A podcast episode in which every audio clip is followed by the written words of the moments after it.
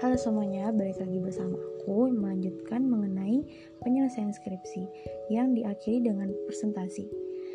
Presentasi merupakan saat yang penting untuk menjelaskan kepada tim penguji atau audiens tentang isi karya tulis yang kita buat.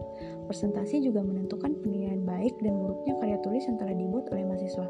Oleh karena itu, persiapan yang matang sangat dibutuhkan untuk merancang presentasi yang baik. Dalam presentasi, mahasiswa dituntut untuk dapat merangkum hasil tulisan secara ringkas, jelas, dan padat. Mereka juga diharapkan dapat menampilkan performa isi yang dibawakan, tampilan presentasi, gestur tubuh, eye contact, maupun penguasaan diri. Berikut ini merupakan uraian singkat mengenai isi yang dibawakan dalam presentasi, antara lain pendahuluan, isi, dan penutup.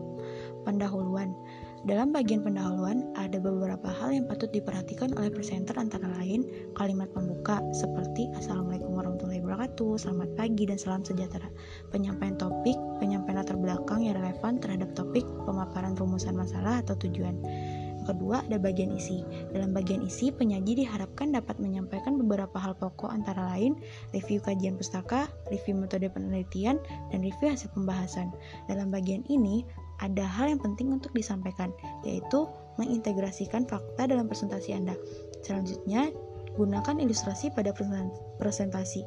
Namun, jika ingin menambah ilustrasi atau grafik, tabel, atau ilustrasi lainnya, ada beberapa hal yang patut diperhatikan. Antara lain, yang pertama, jelaskanlah informasi yang relevan yang ada dalam ilustrasi tersebut. Yang kedua, berikan judul dan referensi sumber dari ilustrasi yang ada. Yang ada.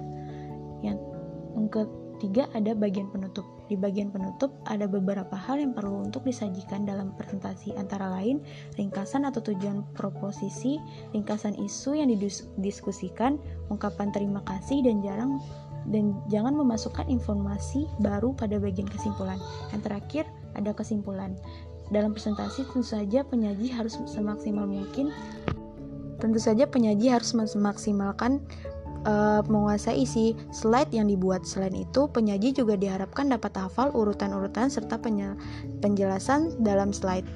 Terakhir, berikut ada akan dipaparkan beberapa hints yang mungkin dapat membantu memperlancar presentasi. Yang pertama, gunakan kartu kecil sebagai notes atau pengingat penjelas presentasi.